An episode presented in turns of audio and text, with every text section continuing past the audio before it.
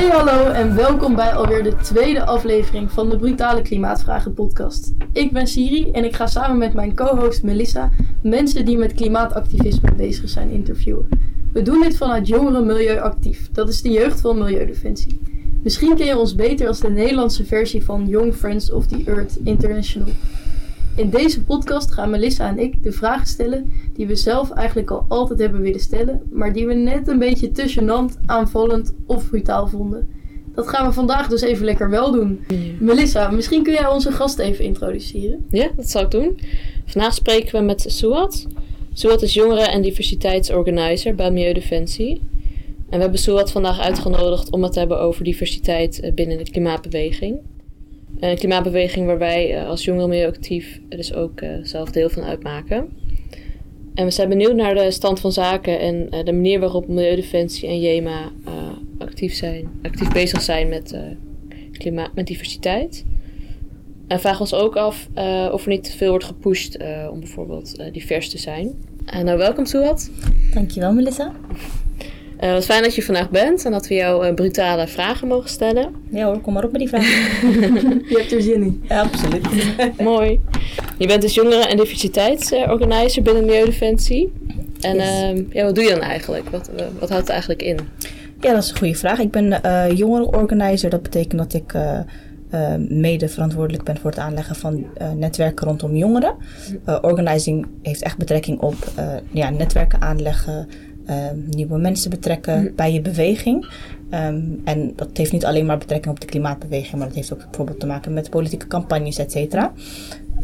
Um, dus dat doe ik als jongerenorganisatie. Ik focus me vooral op jongerennetwerken en jongerenorganisaties, samen met mijn collega Bruno, die jullie vorige keer hebben gehoord tijdens de uh, podcast. En als diversiteitsorganisator doe ik eigenlijk hetzelfde, dus het aanleggen van nieuwe netwerken, alleen vanuit een diversiteitsachtergrond. Uh, Um, of vanuit een diversiteitsinvalshoek moet ik eigenlijk zeggen. Dus ik probeer uh, mensen te betrekken bij onze beweging. Ik probeer mensen uit te vragen. Ik probeer uh, vooral te kijken op welke manier kunnen wij diversifiëren. Dus op welke manier kunnen wij diversiteit binnenhalen binnen Milieudefensie. Mm. En wat is daarvoor nodig. Dus uh, sinds kort ben ik ook diversiteitsorganizer. Ja. Oké. Okay. Ja, de klimaatbeweging diverser maken. Waarom is dat eigenlijk belangrijk? Um, nou, de klimaatbeweging is al heel erg divers. Um, als je alleen al kijkt naar de verschillende motieven waarom mensen zich aanzetten bij een beweging, nou in deze dan de klimaatbeweging, dan lopen die motieven ontzettend uiteen. Voor de ene is het heel erg belangrijk dat er gezonde lucht is, voor de andere is het heel belangrijk dat er klimaatoplossingen betaalbaar zijn. Dus als je alleen al kijkt naar de motieven waarom mensen zich aansluiten, dan is het al super divers.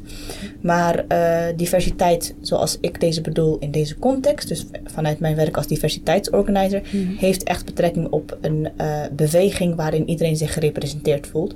Dus zowel uh, mensen met een migratieachtergrond, zoals ik zelf, uh, mensen met een, ja, ik noem het een fysieke uitdaging. Sommigen noemen het een fysieke beperking. Ik praat liever over een uitdaging. Ja. Um, en mensen vanuit verschillende invalshoeken, maar ook jongeren die niet uit de randstad komen, maar die zich wel heel erg willen betrekken bij de klimaatbeweging. ja, in de achterhoek wordt het nou eenmaal geen klimaatmars georganiseerd. In Amsterdam mhm. wel. Dus uh, dat, dat, is, dat is waarom ik diversiteit heel belangrijk vind. Dat al die stemmen um, ja, gehoord worden, er mogen zijn. Um, en ik ben van mening dat we ontzettend veel van elkaar kunnen leren, juist in die diversiteit. Mm. Ja. Dus, uh, Oké, okay. ja. En er zijn bijvoorbeeld ook een hoop uh, pijlers om op te richten. Je noemde er al een paar. Als het gaat over diversiteit, zoals uh, geografisch. Um, en welke zijn eigenlijk de belangrijkste om te focussen binnen de klimaatbeweging? Heb je daar een idee over? Um, ik denk niet dat ik uh, dat. Ik, ik, ik heb persoonlijk niet een idee over welke de belangrijkste pijlers zijn. Ik denk dat alle diversiteit belangrijk is. Ik denk dat diversiteit uh, in haar totaliteit een toevoeging is voor ons allen. Zo, zo leer je gewoon in te stappen in andermans wereld. Um, neem bijvoorbeeld mensen die transgender zijn. Uh, ik ben cisgender, ik ben geboren als vrouw. Ik voel me een vrouw, maar mensen die dat niet zijn, die niet geboren zijn, of die geboren zijn in het ene geslacht en die juist uiting vinden in het andere geslacht, hmm. dat is zo'n complexe andere wereld dan, dan ik. En daar kan ik alleen maar van leren. Dus uh, er is voor mij niet per se één pijler die belangrijk is of twee pijlers die heel belangrijk zijn. Voor mij gaat diversiteit heel erg over representatie. En wat ik zeg, er bestaat echt wel een diverse klimaatbeweging. Alleen op dit moment eh, voelt niet iedereen zich gerepresenteerd. Dus niet iedereen sluit zich aan bij de die klimaatbeweging zoals wij die kennen. Als je gaat kijken naar de mensen die protesteren in Brazilië, of als je gaat kijken naar de mensen die protesteren in Argentinië, of mensen die de straat op gaan in Marokko, eh, dan zijn dat net zo goed klimaatactivisten. Alleen zien ze er net anders uit. Zijn niet wit, niet hoog opgeleid, niet alleen maar vrouw, eh, ook, ook veel mannen.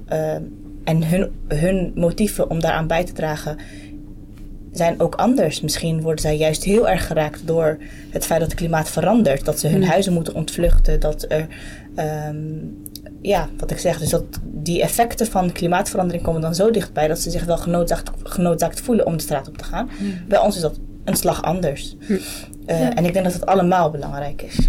Oké, als ik een beetje zo naar jou luister, dan hoor ik wel heel erg dat je eh, wel van mening bent dat de klimaatbeweging zelf divers is. Maar als we het dan even hebben over de organisatie Jongeren Milieuactief en moederorganisatie Milieudefensie. Ja. eh, wat is dan de huidige stand van zaken daarin? Ja, dat is een hele, een hele goede vraag. Ik, ehm, goed, waar, waar zullen we het over hebben? Zullen we het hebben over het feit dat Milieudefensie eh, in eerste instantie een witte organisatie is, met voornamelijk ja, witte, hoogopgeleide mensen met een klein overschot aan vrouwen. Ehm, ja, dat klopt, dat is waar. En JMA, Jongeren Milieuactief, eh, ziet er eigenlijk ook zo uit. Ja, Eh, dat zie je in het bestuur, dat zie je aan de commissieleden. Ehm, en zoals ik zei, voor mij is diversiteit heel belangrijk, want het gaat over representatie, over mensen die zich kunnen herkennen. Ehm, en ik ben een van de weinigen met een migratieachtergrond binnen Milieudefensie en binnen JMA. Maar toch kan ik me wel heel erg herkennen in de organisatie waar ik, in, waar ik voor werk en waar ik me voor inzet en deze beweging. Omdat die diversiteit gaat voor mij dus heel, ook heel erg uit vanuit die motieven. En ik denk dat we hier allemaal zijn met een bepaalde passie en een bepaalde gedrevenheid. Eh, ik bedoel, als ik kijk naar jullie, jullie zijn vrijwilligers. Jullie eh, besteden echt tijd en aandacht aan het opzetten van zoveel verschillende dingen om maar mensen te betrekken.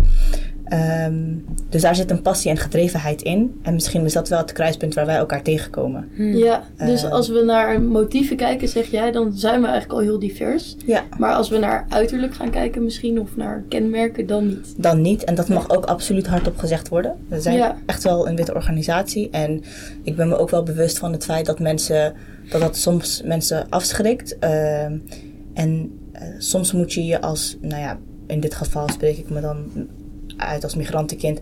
Soms moet je je misschien iets meer eh, bewijzen. Niet misschien, dat gebeurt gewoon. Je, je moet je af en toe meer bewijzen dan anderen. En dat, dat kan heel moeilijk zijn. En misschien is dat de reden voor mensen om niet te kiezen voor een organisatie die overwegend wit is.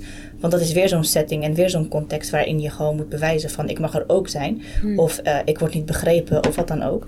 Maar wat in mijn Ja. geval heel erg helpt is... eh, nou ja, ik ben dus eh Marokkaanse, ik ben een islamitische vrouw. eh, en ik maak het dan bespreekbaar dat ik behoefte heb aan een gebedsruimte. Ja. En binnen Milieudefensie, nou ja, we hebben geen gebedsruimte. Maar het feit dat je het bespreekbaar maakt, eh, maakt dat mensen gaan kijken naar mogelijkheden. Is het mogelijk om een gebedsruimte of een spirituele ruimte of ehm, nou, dat soort dingen. ja, en is hij er al? Of komt hij er? nou, we hebben niet een ruimte die eh, alleen als gebedsruimte dient. Maar we hebben nu dus een, een, een, een, een, een ruimte, een kleine kast, annex gebedsruimte. Kast. Ja, Deze joh. kast. Komt ie. Het is, is dus een kast, annex gebedsruimte, annex kolfruimte en opslag. Maar onze leidinggevende heeft toegezegd dat we, eh, dat we alle spullen eruit gaan halen. Dat we hem echt gaan inrichten dat je er gebruik van kan maken als zijnde een spirituele ruimte. Ja, En een zijn. Kolfruimte. Ik wou zeggen kolfkast, maar dat is niet wat het Ja. is. ja, want Ja. ik denk dat we ook wel beter kunnen dan een gebedsruimte in een kast plaatsen, toch? Zeker, zou zeker. Absoluut. Ja, Maar er zijn genoeg werkgevers die zeggen: bidden, doe je maar lekker thuis.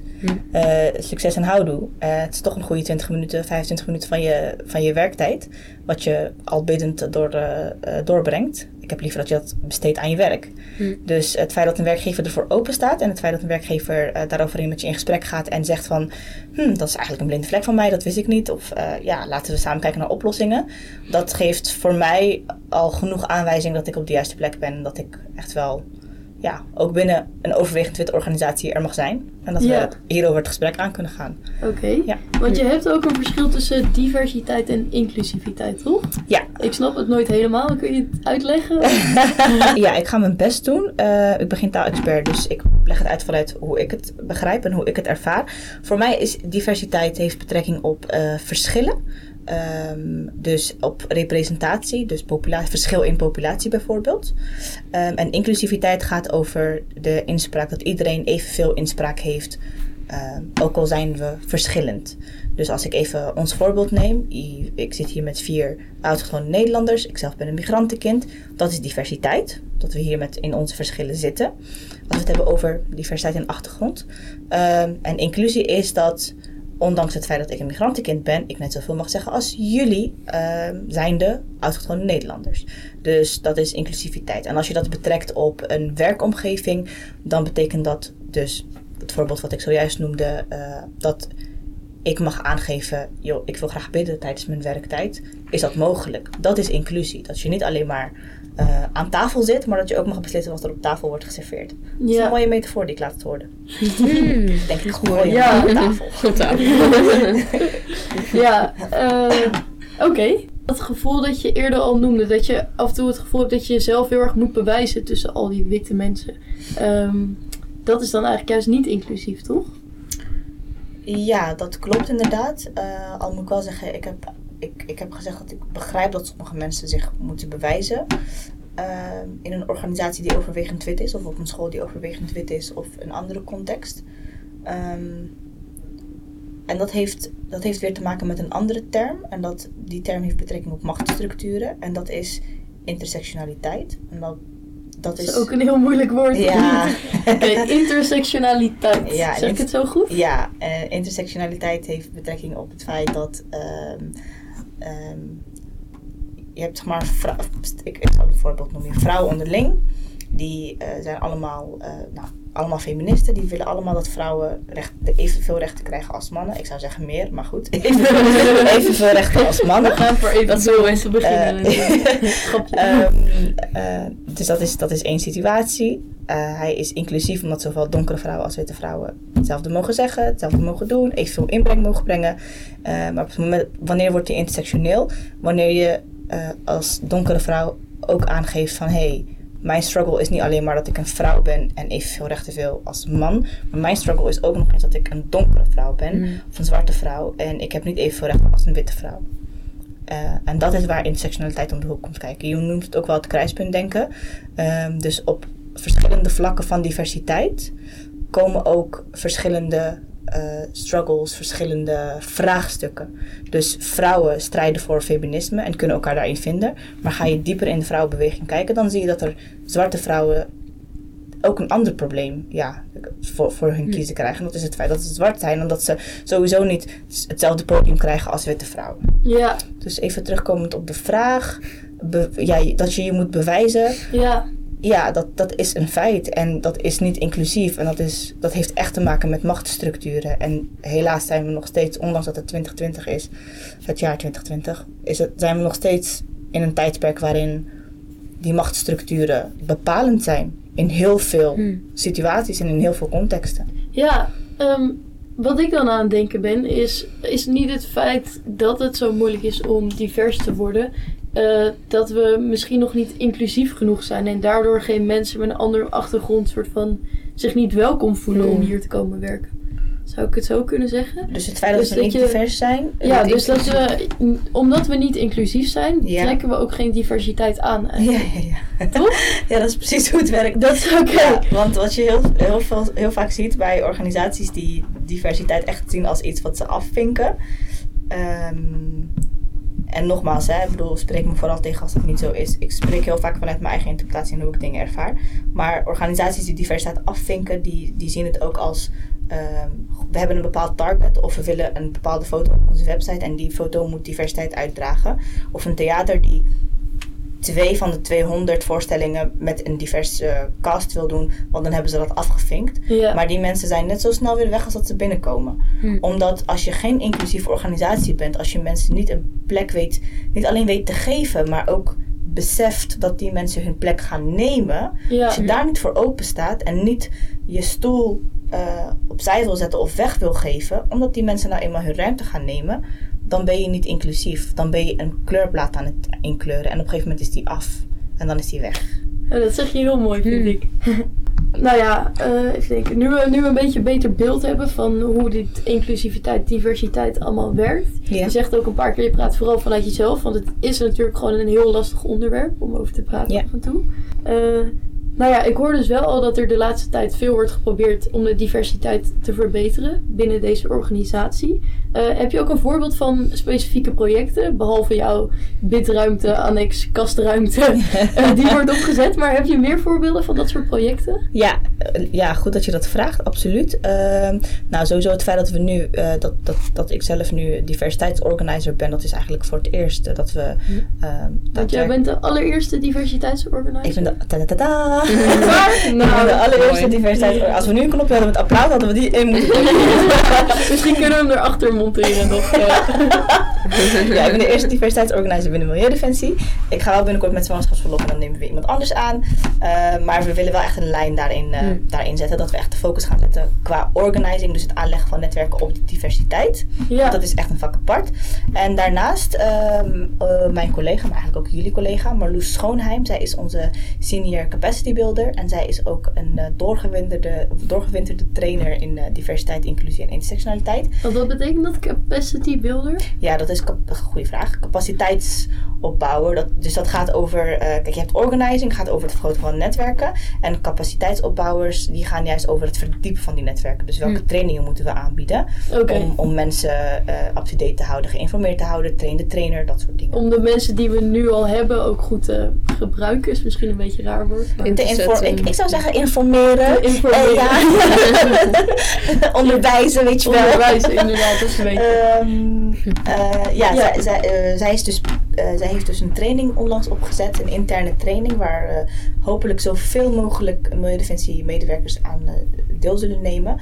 En die training heeft betrekking op diversiteit, intersectionaliteit en inclusiviteit. En hoe je ja, dat in je werk kan incorporeren en ehm, ja, hoe, hoe je daarover eigenlijk het gesprek aangaat met z'n allen. Want er zal niemand hier zeggen dat het niet belangrijk is. Iedereen vindt het belangrijk. Maar Ja. het is zo'n. eh, het luistert heel fijn. Het is een heel gevoelig onderwerp in, in sommige opzichten. Dat mensen ook gewoon niet weten wat, welke handvaten heb ik eigenlijk. Wat, wat kan je me bieden? En zo'n, we hopen met zo'n eh, training mensen wat meer handvaten te kunnen bieden. Om in elk geval het gesprek aan te gaan. En een veilige omgeving te creëren om met elkaar op onderzoek uit te gaan naar wat betekent dat nou eigenlijk voor Ja. ons als organisatie, voor mij als medewerker. En zo on en zo voort. Ja, dus hoe kan ik het eigenlijk goed doen? Dat is eigenlijk wat je dan gaat bespreken. Ja, hoe kan ik het, ja, hoe kan ik het goed doen? Hoe kan ik het proberen? Beter. Ja. Ja. ja. Oké. Ja. Ehm, zijn er ook projecten die dus, eh, even voor de mensen die ons niet zo goed kennen, we hebben dus Jongeren Milieu Actief, dat is de jeugd van Milieudefensie. Ja. En daar eh, valt, nu moet ik het wel goed zeggen, want anders wordt het een beetje, Nee. beetje. Maar eh, daar valt iedereen onder die jonger is dan 28 jaar, toch? Ja. Dus als je je aanmeldt bij Milieudefensie en je bent min, jonger dan 28 jaar, dan hoor je vanzelf bij Jongeren Milieu Actief. Ja, Ja. Eh, zijn er ook al projecten gaan die dan specifiek eh, met diversiteit bezig zijn binnen jongeren milieuactief? Specifiek met jongeren milieuactief niet. We zijn Nog begonnen niet. met deze training. Dus dat is een interne milieudefensie training. Maar die willen we dus ook bieden aan eh, het JMA-bestuur. En wellicht aan enkele JMA-commissieleden. Deze. leuk. Het is echt een hele leuke training. Ehm, dus specifiek voor eh, JMA niet. Eh, al moet ik wel zeggen, diversiteit en inclusie is voor JMA ook een hele belangrijke pijler. Dus wij zoeken bijvoorbeeld de samenwerking op met eh, Felix, onze bestuurslid educatie. Hij zoekt bijvoorbeeld de samenwerking op met zijn educatiecommissie met MBO-scholen, waar een meer een representatie is van de Nederlandse samenleving in de Randstad. Dus we proberen, die, we proberen daar wel handen en voeten aan te geven, ook binnen JMA. Maar het is, het is, een, een- het is een uitdaging en het blijft ook een uitdaging. Eh, en het is iets van hele lange adem. Ja. Absoluut. ja, want nu we het daarover hebben, bedenk ik ook opeens. Dus bij Milieudefensie hebben we het vooral gehad over de mensen die er werken. Ja. Eh, bij jongeren milieuactief werken niet zoveel mensen, zijn het vooral vrijwilligers. Ja. En eh, nou, jullie zijn nu dus wel bezig met het diverser maken van de organisatie zelf. Ja. Maar de vrijwilligers die zich aanmelden, hoe zit het daarmee? Zijn die al een beetje divers? Of? Ehm, nou, nogmaals, iedereen is divers in motieven, Ja, ja, ja. achtergronden, iedereen is divers in de opleiding en, en, en alles. Eh, maar als we het hebben over diversiteit in eh, migratieachtergronden, eh, niet. Ehm, nee, we hebben, we hebben geen diverse be- eh, vrijwilligersbestand in de zin van migratieachtergrond. Nee, dat is op dit moment ook niet. Het is eigenlijk een weerspiegeling van de organisatie.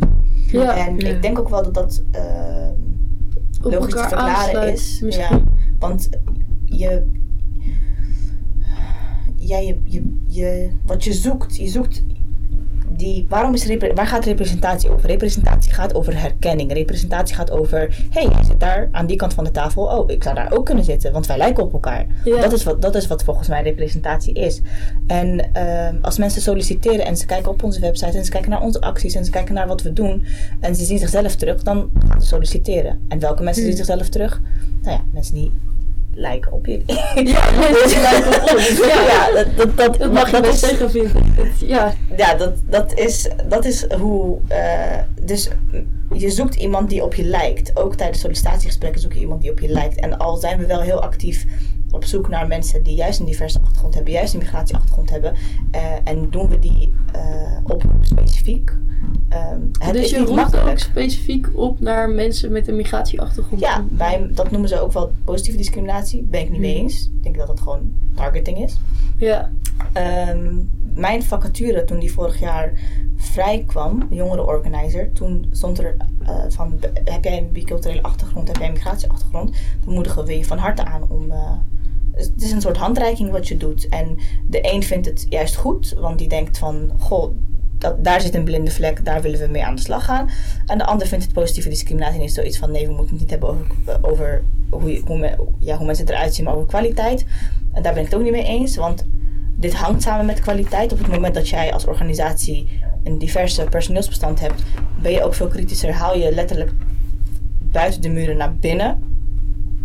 En hoor je mensen die de klimaatbeweging op een andere manier ervaren. Mensen die problematiek op een andere manier ervaren. Mensen die campagnes op een andere manier willen aanvliegen. Maar als je alleen maar zit met mensen die op jou lijken en die waarschijnlijk dezelfde achtergrond hebben als jij, of eh, qua opleiding of qua waar ze vandaan komen, eh, dan blijf je. Dat is dus hoe je een bubbel creëert, ben Ja. ik van mening. Dus ehm, Ja, want wat je net noemt, dat, dat veel mensen eh, dat als positieve discriminatie zien en het daar niet altijd mee eens zijn. ja. Dat hebben we ook een paar keer in andere organisaties teruggezien.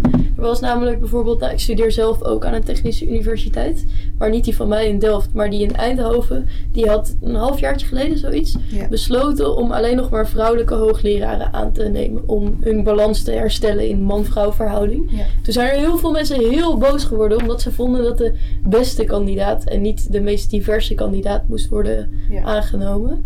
Eh, hoe reageer jij op verhalen zoals die? Ja, wat ik, wat ik zeg, en daar zullen heel veel mensen het waarschijnlijk niet mee eens zijn, want ik weet dat er een, een kritische noot is gepubliceerd nadat de- dit eh, eh, naar buiten is gebracht van de TU Eindhoven. Ehm, ik vind dat op het moment dat het je niet lukt om te diversifiëren van binnenuit, dus diversiteit binnen te halen, dat je daar actief op moet gaan eh, werven. Ja, Ehm, ik kom uit het theaterwezen. Ik heb in theaters gewerkt. En theater, de deur is letterlijk altijd open. Is net de kerk, de deur is open. maar is het dan voldoende om te zeggen, onze deur is open? ja, Nee. Theater is uiteindelijk eh, van oudsher een elitair bolwerk. Waar mensen naartoe gaan die ten eerste kunnen betalen. Nou, dat zijn sowieso al een heleboel van ons niet. Of je nou een migratieachtergrond hebt of niet. Een heleboel van, van ons kunnen geen 20 euro betalen voor een theaterstukje. Ja. Eh, en dan ook nog eens eh, drinken. En misschien wil je dan nog een hapje gaan eten ergens. Nou, mijn god, mijn god. ja. Dus ehm, onze deur is open, ja, dat is prima. Maar eh, hoe ik ontvangen word, is een tweede. ja. Dus hoe reageer ik op, op zulke dingen? Ik denk, het is heel belangrijk om juist daarop te targeten. Ik voel me oprecht aangesproken wanneer er aan het eind van de vacature tekst staat: Heb jij een migratieachtergrond? Dan moedigen we dat aan. Dan, weet, dan denk ik: hé, hey, die organisatie denkt daar actief over na. Die organisatie is daarmee bezig. En die organisatie wil juist, ziet mijn meerwaarde. Omdat Ja. ik een migratieachtergrond heb. Ik heb een bepaalde meerwaarde. Net zoals dat iemand anders met een, een, een WO-achtergrond die een bepaalde meerwaarde heeft, heb ik dat ook. En een organisatie die bestaat uit alleen maar mannen, ja, daar is dus de meerwaarde van vrouwen nodig. Punt. Oké. ehm, nou, we hebben het vooral. We hebben het tot nu toe vooral gehad over de Nederlandse klimaatbeweging en diversiteit daarbinnen. Maar wat we de vorige keer hoorden van Bruno, die als eh jongerenactivist aanwezig was bij de VN Klimaattop in Madrid, is dat bij die grote klimaattoppen, conferenties, noem maar op, eh, ook heel weinig aan diversiteit gedaan wordt. Hij miste bijvoorbeeld heel erg de stem van inheemse mensen. Ja, Ehm, ja ik denk dat het absoluut eh, terecht is dat Bruno zegt van die stem van de indigenous people, dat die gemist wordt. En dat dat een gebrek aan diversiteit is. Ehm, allereerst wil ik vooropstellen dat uh, inheemse mensen, inheemse, inheemse volkeren worden het hardst getroffen uh, door de gevolgen van klimaatverandering. Het zijn mensen die, die hun voedselvoorziening zelf, uh, die zelf moeten voorzien in hun voedselbehoeften, bij wie de oogsten mislukken. Mensen moeten hun huizen ontvluchten. Dat zijn, ik, ik weet niet wat de reden is dat die mensen daar niet zijn. Misschien is zo'n klimaattop simpelweg niet haalbaar voor hen. Misschien worden ze niet serieus genomen. Misschien hebben ze het idee dat ondanks dat ze er zijn, dat ze niet worden gehoord. Als ik bijvoorbeeld heb over het, uh, de uh, World Economic Forum in uh, Davos. Volgens mij is het een jaarlijkse conferentie in Zwitserland. Ja. en daar was ook een beetje een relletje, geloof ik. Ja. wat er gaande was tijdens de World Economic Forum was um, één meisje, één uh, jongere uh, die daar, activist die daarbij bij betrokken was. Zij was het enige Afrikaanse meisje, enige meisje van kleur. En zij werd op een gegeven moment op de foto, ge, ge, op de foto gezet met, samen met onder andere Greta Thunberg en nog drie of vier andere activisten. Ehm, niet van kleur. En toen die foto gepubliceerd werd, zag ze tot haar stomme verbazing dat zij eruit was geknipt. Um, en er is geen reden voor gegeven. Uh, het is niet zo dat zij verkeerd geposeerd stond en de rest wel, of dat ze geblurred was of wat dan ook. Ze was gewoon simpelweg eruit geknipt. Dat is gewoon, uh, vind ik, het dehumaniseren van mensen. En mensen eigenlijk gewoon erop wijzen dat ze er niet toe doen. Um, en dat, dat hmm. Goed, je bent er wel. Wat ik, wat ik dus zeg van, je zit wel aan tafel, maar je bepaalt niet wat er geserveerd wordt. Uh, je mag niet gezien worden. Wel divers, maar niet inclusief. Wel divers, maar niet inclusief. En niet eens divers in uitingen. Um, dus dat is echt een hele kwalijke zaak. Zo creëer je geen inclusieve whatsoever. Geen inclusieve ja. klimaatbeweging, geen inclusieve World Economic Forum of wat dan ook. En misschien gaat het ook wel op, op dat vlak al mis. Dat jonge meisjes in Nederland wel Greta Thunberg zien, maar niet zo'n activist met een kleur. Ja, absoluut. Want diversiteit, nogmaals, gaat echt over representatie. Gaat over dat je je herkent in de ander. En dat je denkt van wat diegene kan, dat, dat zou ik ook kunnen zijn. Op het moment dat dat niet zichtbaar is, dat je je niet kan identificeren met de ander, is die behoefte om er te zijn misschien net zo groot, maar het lijkt ongrijpbaar. Ja. Um, het lijkt niet voor je weggelegd. Dat, uh, dus ja, ik kan me voorstellen dat meisjes ook in Nederland, wanneer ze uh, Greta Thunberg zien. Greta is echt een absolute topklimaatactivist. Een geweldige vrouw. Maar zij spreekt misschien net een andere doelgroep aan, omdat mensen zich niet in haar herkennen. Dat heeft niet veel met haar zelf te maken, maar het heeft te maken met dat mensen uh, zichzelf willen herkennen. Dat mensen een, een verhaal willen horen wat op hen slaat. Um, en ik kan me voorstellen dat activisten uit Afrika, activisten uit Brazilië, activisten uit Argentinië hebben een andere invalshoek, hebben een ander verhaal te vertellen. En ook dat verhaal moet er mogen zijn. Ja, mhm. duidelijk. Ja. Uh, dan wil ik eigenlijk nog één afsluitende vraag stellen. Um, nou ja, ik moet heel eerlijk zeggen dat ik het ook een beetje spannend vond om vandaag over diversiteit te praten. Want het is natuurlijk een, een moeilijk onderwerp. Ik heb het gevoel dat je snel iets verkeerds kunt zeggen op dat vlak. Um, maar ook omdat ik zelf voor een groot deel voldoe aan dat typische plaatje. Ik ben een witte vrouwelijke klimaatactieveling. Um, misschien schaam ik me er zelfs af en toe een beetje voor dat ik ook aan dat typische plaatje voldoe. Wat zijn dingen die ik zou kunnen doen om de klimaatbeweging diverser te maken? Nou, allereerst wil ik je vooral bedanken voor het feit dat je je kwetsbaar opstelt en dat je aangeeft van, uh, nou misschien ben ik zelf niet divers genoeg of ik voldoe zelf aan het typische plaatje, dus de klimaatbeweging dat is een wereld waar ik makkelijk instap. Ja. Als ik je goed heb begrepen. Um, maar wat, wat ik niet wil toejuichen is dat mensen in hokjes gaan denken. Volgens mij zijn wij hier met z'n allen vooral vanuit een bepaalde passie en vanuit een bepaalde gedrevenheid. En dat is dat wij geloven in klimaatoplossingen voor iedereen toegankelijk maken.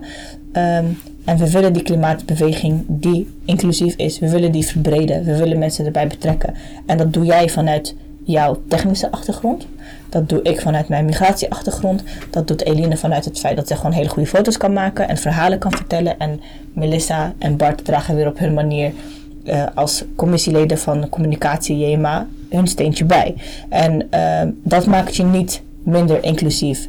Ik wil, het feit dat mensen wit zijn, maakt ze niet minder inclusief. En het feit dat mensen, uh, dat iemand een migratieachtergrond heeft, maakt diegene ook niet per se divers. Het gaat erom dat je juist bewust bent van het feit dat die verschillen er zijn. Dat er verschillende mensen zijn. Dat we vanuit verschillende invalshoeken met elkaar in gesprek gaan.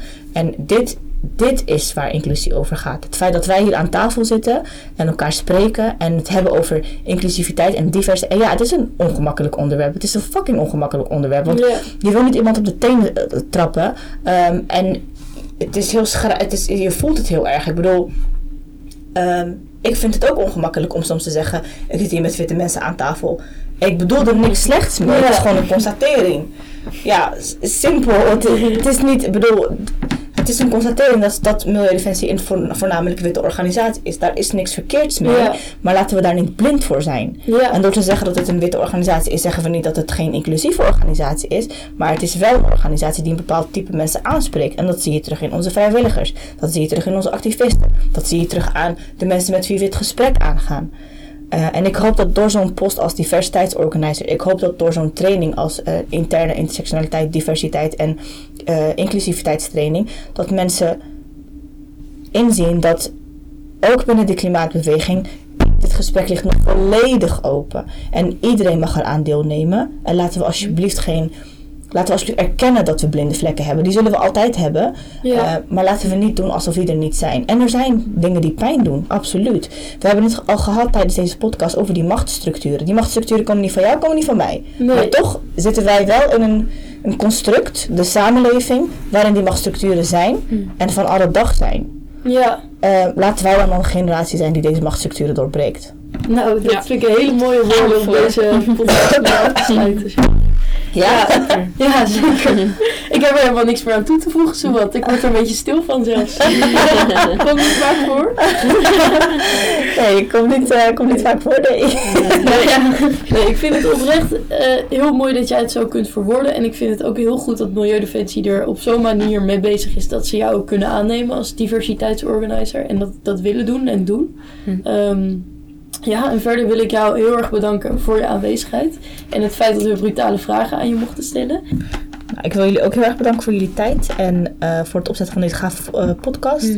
En ik wil eh, jullie vooral oproepen om eh, vooral zo voort te zetten. En Ja. laten we het gesprek met elkaar a- ja, aangaan en laten we con- continu elkaar bevragen en bekritiseren en Ja. eh, omarmen. Ja. Ja, omarmen. Mooi. Nou, dankjewel. Tot ziens.